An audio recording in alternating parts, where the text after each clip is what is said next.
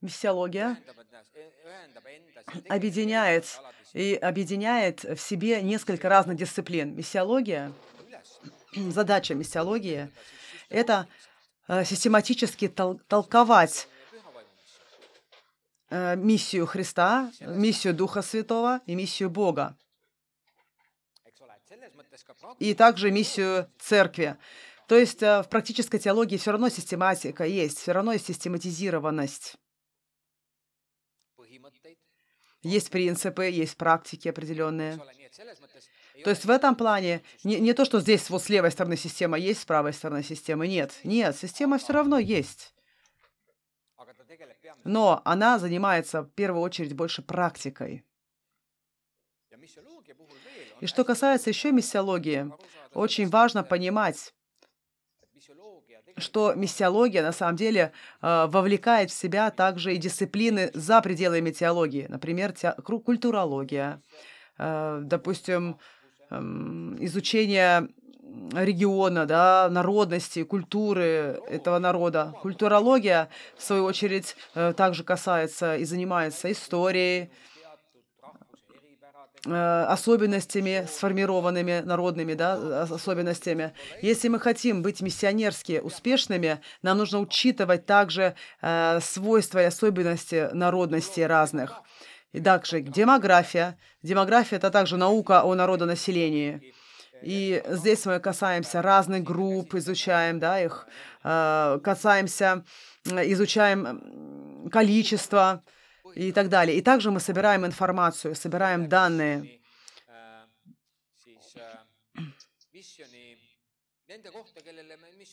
Собираем данные относительно тех, которым мы идем э, нести миссию. Также антропология.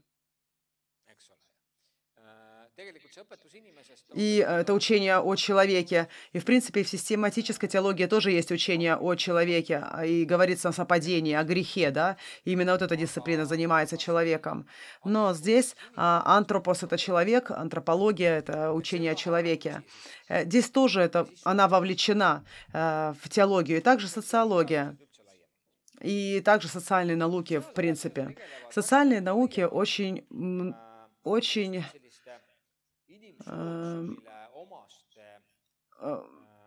социальные науки касаются областями, связанными с обществом, с, с людьми. Поэтому все они вовлечены в миссионерскую теологию. Само понятие миссионерской теологии в большей или меньшей степени. Это все зависит, конечно.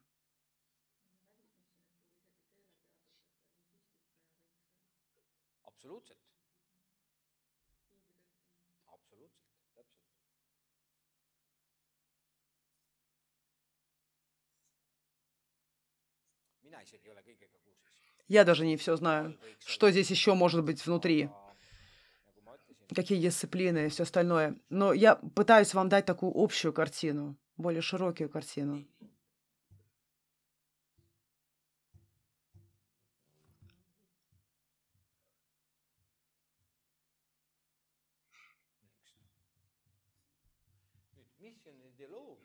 Миссионерская теологии есть области, которые а, так, миссионер, к миссионерским наукам относятся. Миссионерская теология,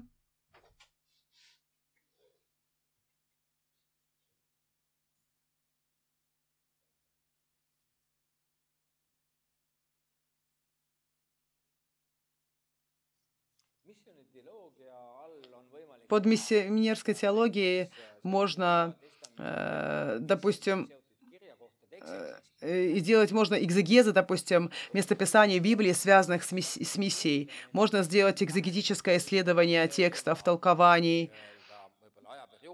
Эм, может быть, там теология как раз занимается учением, учением о миссии, исследованием миссии, а, определениями миссиями, миссии. Миссионерская история или история миссионерства. Тоже очень интересная область.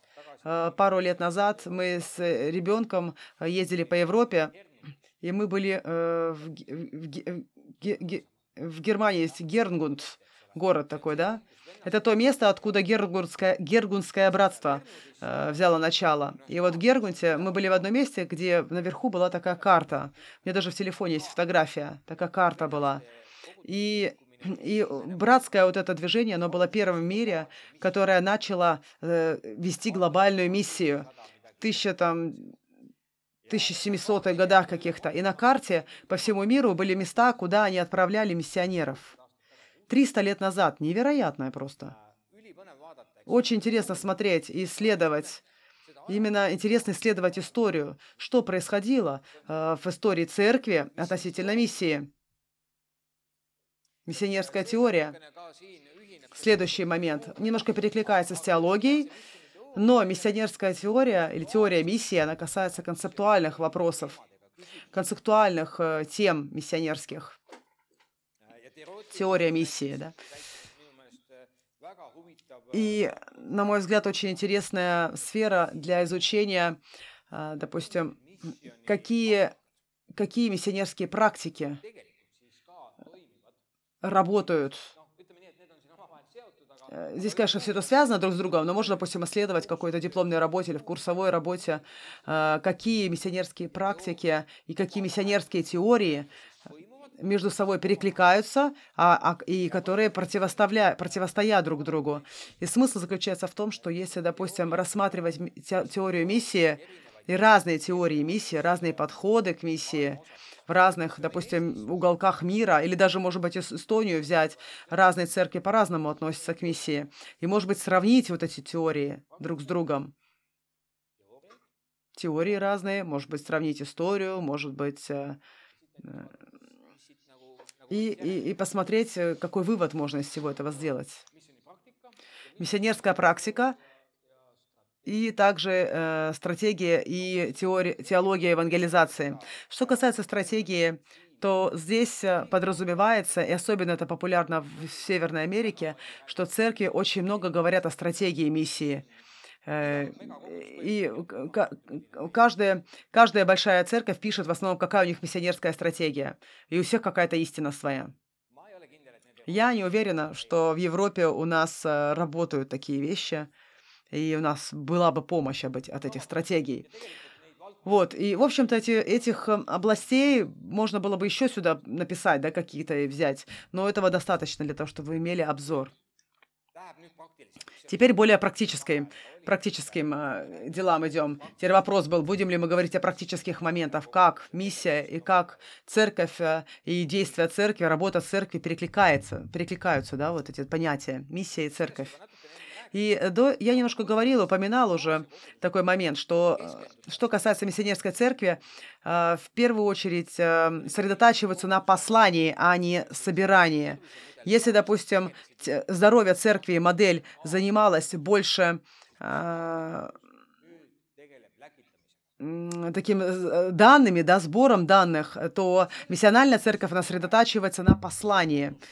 И, и это хорошо, потому что это стимулирует людей э, использовать свои дары служения высвобождает их служить в дарах. И вчера я вам тут э, такой тест дал, да, на тест, тест на дары, по-моему. Я не знаю, что там дало вчера.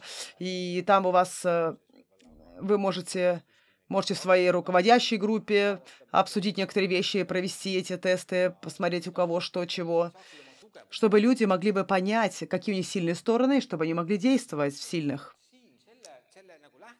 сильных дарах. И здесь как раз смысл не в том, чтобы контролировать людей, а в том, чтобы высвободить людей, или то, чтобы освободить их для служения. И вот это послание, оно не идет с того, что я теперь руковожу и буду посылать вас, вы туда, ты туда, ты туда. Нет, а это идет с того, что, что ты в своем сердце, что ты в своей жизни чувствуешь, куда Бог тебя зовет, куда тебе нужно двигаться. И моя роль как руководителя э, инспирировать тебя, снаряжать тебя, э, помогать тебе, воодушевлять тебя и так далее и освобождать тебя.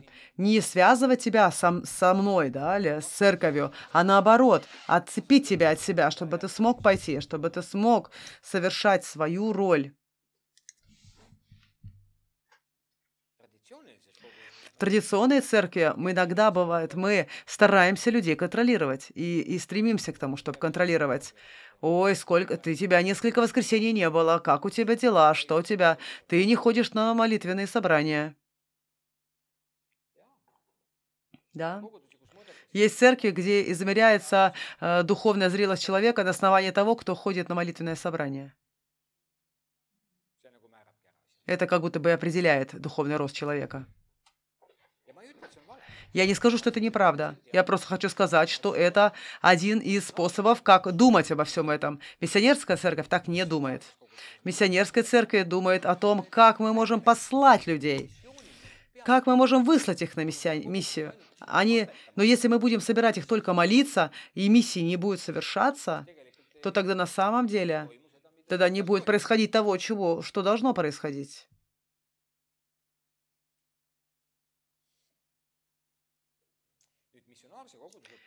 Что касается миссионерской церкви, миссии относятся холистически. Иисус сказал, «Идите по всему миру и проповедуйте Евангелие всему творению».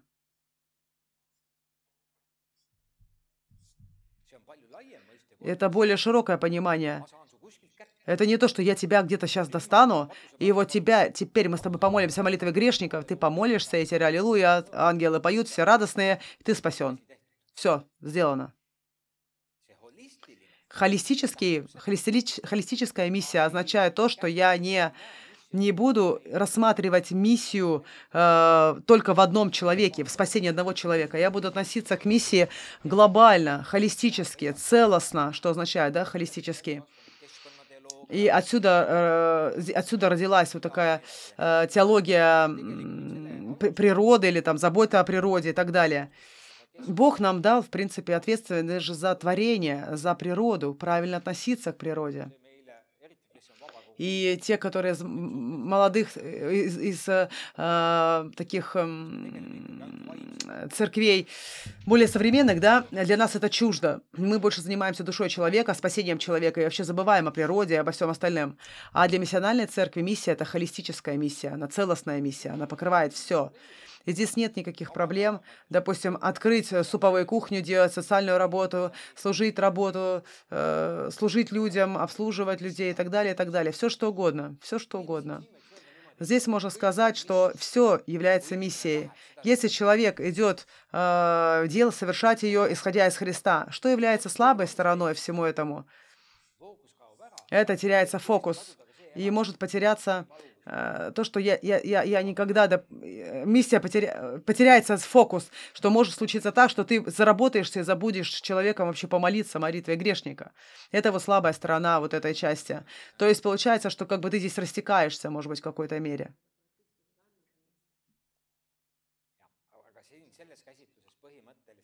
Здесь, э, здесь человек, человек, он, человек участвовать в миссии может Божией, да, до того, как он обернулся к Христу, да, или пришел ко Христу. Человек может прийти в церковь и может быть э, вовлечен, даже быть работой в церкви еще до того, как принял решение обратиться ко Христу. То есть здесь, такая, здесь такое может быть.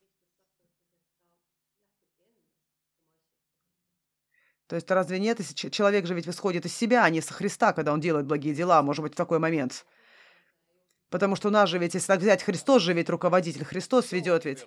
Вот здесь мы говорили о евангелизации и обращении в росте церкви. Здесь обращение к Богу. Не то, что второстепенное, но это не цель. Цель — это человека привести к миссии, его ввести в миссию Божию. И во время вот этой миссии происходит процесс обращения. А обращение не является таким конкретным, да? Вот здесь вот, наверное, вот эта вот граница между обращением и обращением, она немножко размытая.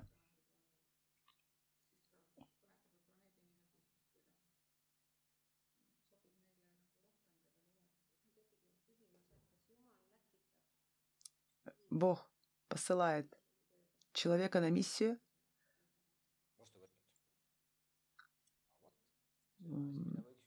не услышала. Ну, вот, может быть, теологически, может быть, исследовать этот момент, поразмышлять и написать работу об этом, например. Это и делает теологию интересной, что а, иногда бывает один вопрос приводит нас ко второму вопросу, и ты хочешь открыть, ты хочешь понять, размыслить об этом. Но в общем, э, вот, если мы возьмем примеры в Библии, то люди, Бог-то посылает людей, в основном, которые обратились к Нему. Ну давай 12 учеников Иисуса. Где их история обращения?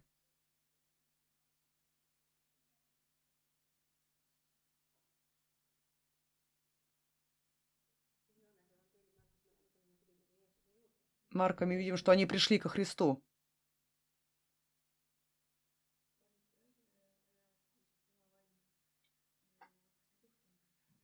И потом Дух Святой начал их вести. Начал открывать Христа.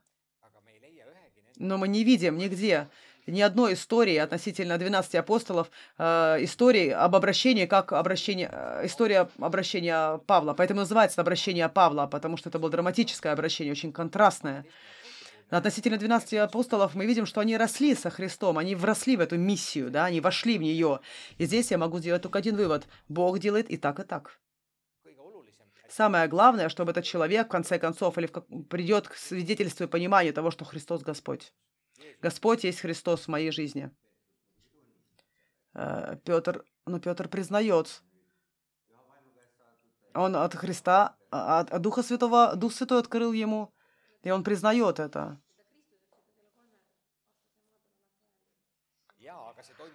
Ну, опять-таки, этот процесс же был какой-то. Они не сразу пришли, в пониманию. Поэтому здесь можно изучить, в какой момент, в какой момент пришел этот опыт. Допустим, в какой момент Петр получил откровение о том, что Иисус Христос. И он говорит, что не плоть и кровь открыла тебя, мой Отец. То есть, скорее всего, это не было в первую неделю или в первые даже месяца, когда он общался с Христом. Возможно, даже не в первый год. Взяло какое-то время даже у Петра прийти к тому, кто такой, кто, кто для них Иисус. Откровение, откровение, оно росло. То есть, то есть, скорее всего, что у них раньше было это откровение, оно росло просто. Да. И если говорить, допустим, о людях, которые приходят в церковь сегодня, в общем-то, а, вот эти обращения, является процессом каким-то. Уже сейчас нет такого, как во время пробуждения, резкие такие, знаешь, вот люди чувствуют греховность и сразу обращаются. Слава Богу за такие времена. Но я верю, что церковь должна действовать в таком времени, в котором живет, и не ждать, что люди будут изменяться, а использовать вот это время для того, чтобы э, коснуться многих людей и привести их ко Христу. И слава Богу, если есть такие резкие обращения, такие конкретные обращения, и, и это должно быть целью, чтобы человек должен понимать, что он обратился к Христу. Но это не значит, что теперь просто здесь, э, что это, э, что этого здесь нет. Здесь просто немножко более мутно, скажем, да, это выглядит. Э, но три вот эти подхода, которые я вам репрезентовал, а ни одно из них не является идеальным. Я просто вам показываю подходы к росту церкви, где в каждом подходе есть много хорошего, но у каждого есть свои слабые стороны. И мы должны для себя селектировать, выселектировать, выселектировать то, что нам подходит, то, что, то, что больше как бы, ну, как бы принципы, да, вот эти самые главные. В конце, что вот я, я скажу, что я, что я, э, что мне больше самому нравится, но я в конце это скажу. Окей, холистический подход, целостный подход. Э, также миссиональные церкви очень чувствительно относятся к контексту что для тебя работает, что для вас работает, как тебе удобно. То есть э, э, объект миссии, он, о, с ним очень считаются, как ему удобно, что ему подходит больше. И Лесли э, Ньюбиген сказал, что Евангелие должно быть так предоставлено людям, чтобы они поняли его и смогли бы его принять. Если хороший евангелист поедет э, в, в Африку на платформе, проповедует и кричит так, что голоса нет, скорее всего, что не произойдет. Э, а это может так не, не сработать в Европе где-то. Он один там будет кричать где-нибудь на стадионе, скорее всего. А возможно, что интеллектуальный подход, интеллектуальный подход, то, что больше свойственен Европе, не сработает в Африке. Они нуждаются, чтобы кто-то там пришел, причин, притчит, притчит, знаешь, такое, и народ прямо воодушевится. То есть учитывание контекста.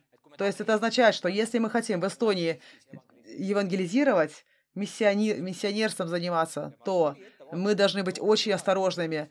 Если мы, допустим, э, приводим концепции из других стран и мира и говорим, что в Эстонии должно так сработать, так не работает.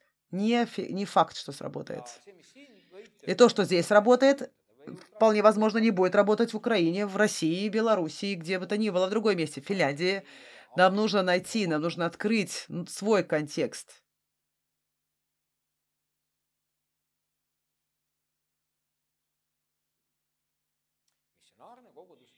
Миссиональная церковь сосредоточивается на движении, а не на институте.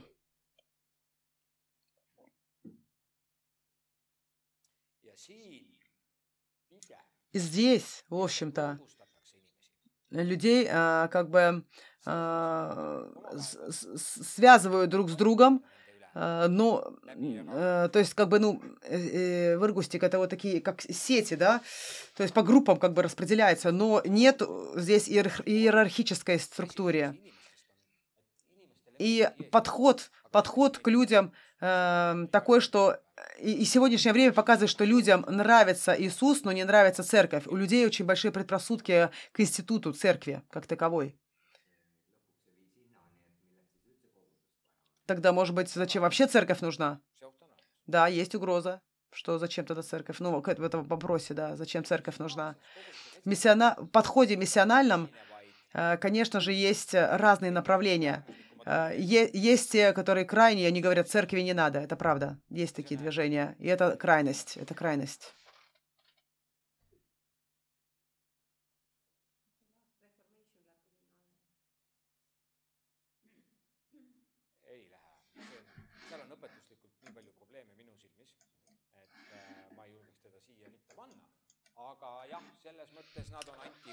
Да, они анти, антицерковь, можно сказать.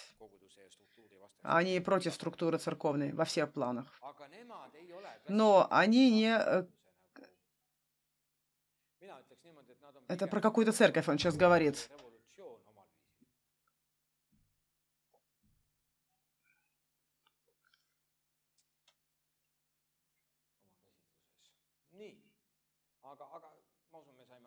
Окей, я надеюсь, что мы поняли, да, что значит миссиональная церковь, вот эти признаки.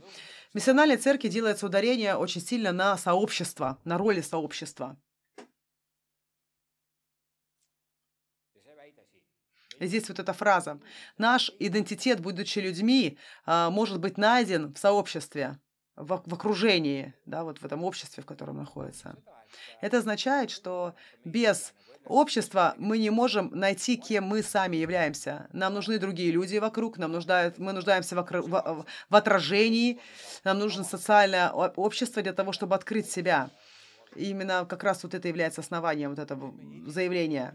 И наш идентитет, будучи христианами, он находится э, в, в новом сообществе Христа, новом обществе Христа. И наша миссия. Okay. И, допустим, 3D в Эстонии, еще некоторые другие церкви, они как раз и базируются на сообществе, на обществе, да, каком-то, на протяжении последних лет. И можно, в общем-то, в принципе, классифицировать их э, миссиональными церквями э, по признакам этим, да, которые мы сейчас разбирали, именно сообщество. И самый связанный, я близко довольно-таки с 3D, я могу, осмеливаюсь сказать, что да, они больше они не фокусируются на институте, абсолютно не, не фокусируются, они фокусируются на миссии. И это больше как сеть, сеть маленьких собраний. Они не правят, они не пытаются там какую-то иерархию выстраивать. У них есть своя структура определенная, но эта структура, она, она классная структура. Она освобождающая, а не доминирующая.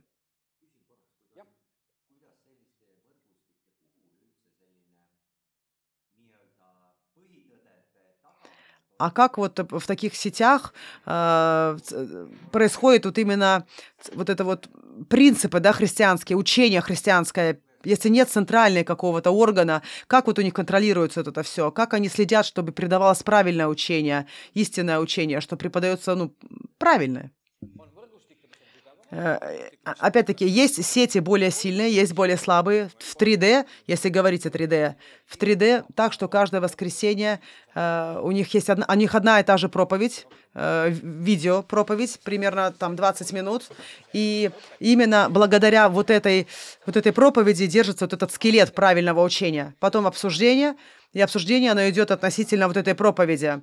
Поэтому здесь в этом плане в порядке. Если взять мир, то в мире много мисс, типа миссиональных таких э, сетей, сет, сетей, которые такие самостоятельные, ни с кем не связанные, такие...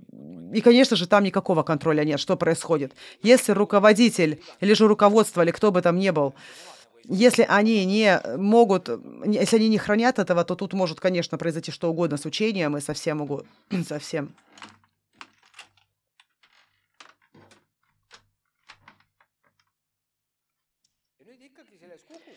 И вот в этом обществе, э, вот этих сообществах, да, есть некоторые качества, на которые делаются ударения. Это первое, это жертва, жертвенность.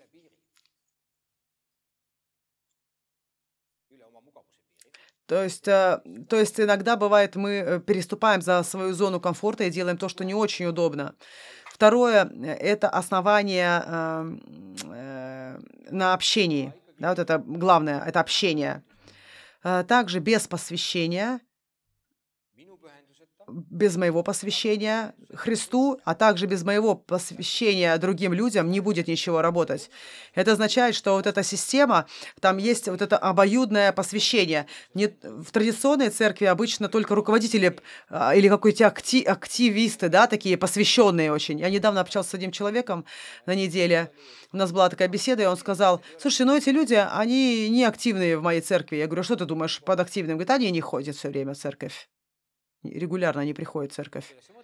А как ты будешь э, измерять активных людей? Те, которые приходят сидеть в воскресенье, или те, кто реально что-то делают, отвечают за что-то, помогают эту церковь двигать? То есть, опять-таки, здесь по-разному понимают, и разный подход есть. Но здесь вот в этой церкви миссиональной, да, вот, которая на, а, на, на сообществах организована э, в 3D, допустим, помимо того, что есть у них такие, э, как группы, э, у них у них еще раз в две недели или раз в одну неделю еще маленькой группочки по два-три человека, где они очень об интимных вещах говорят. Говорят об искушении, говорят о своих грехах, э, молятся друг с другом. И есть очень такие интимные маленькие э, группочки. И это такое обоюдное, обоюдное посвящение друг другу. И это очень э, сильно э, срабатывает. В традиционных церквях такого нет. В большинстве своем, да. Цель это является общая миссия. И также глубокая любовь друг к другу. И это означает, что их а, через вот эти качества а, пытаются в жизни держать вот эти вот, эти вот сообщества. Да. Если нет вот этих качеств, то, соответственно, ничего там не держит.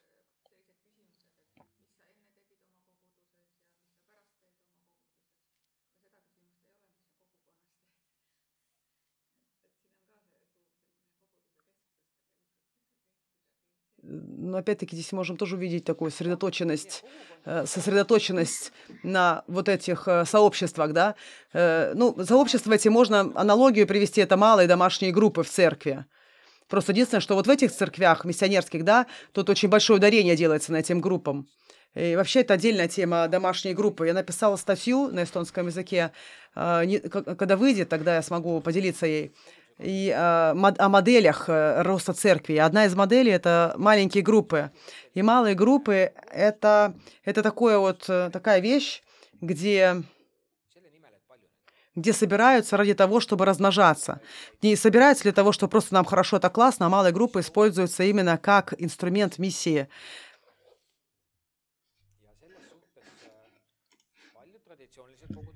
Поэтому у многих традиционных церквей нет даже маленьких групп. И э, самое, может быть, единственное, что у них есть, может быть, кафе в церкви, и там хоть какое-то общение происходит. А, а принцип э, вот таких церквей, да, а, основанных на группах, это делиться жизнью своей друг с другом и с Богом, общаться, как поддерживать себя и так далее.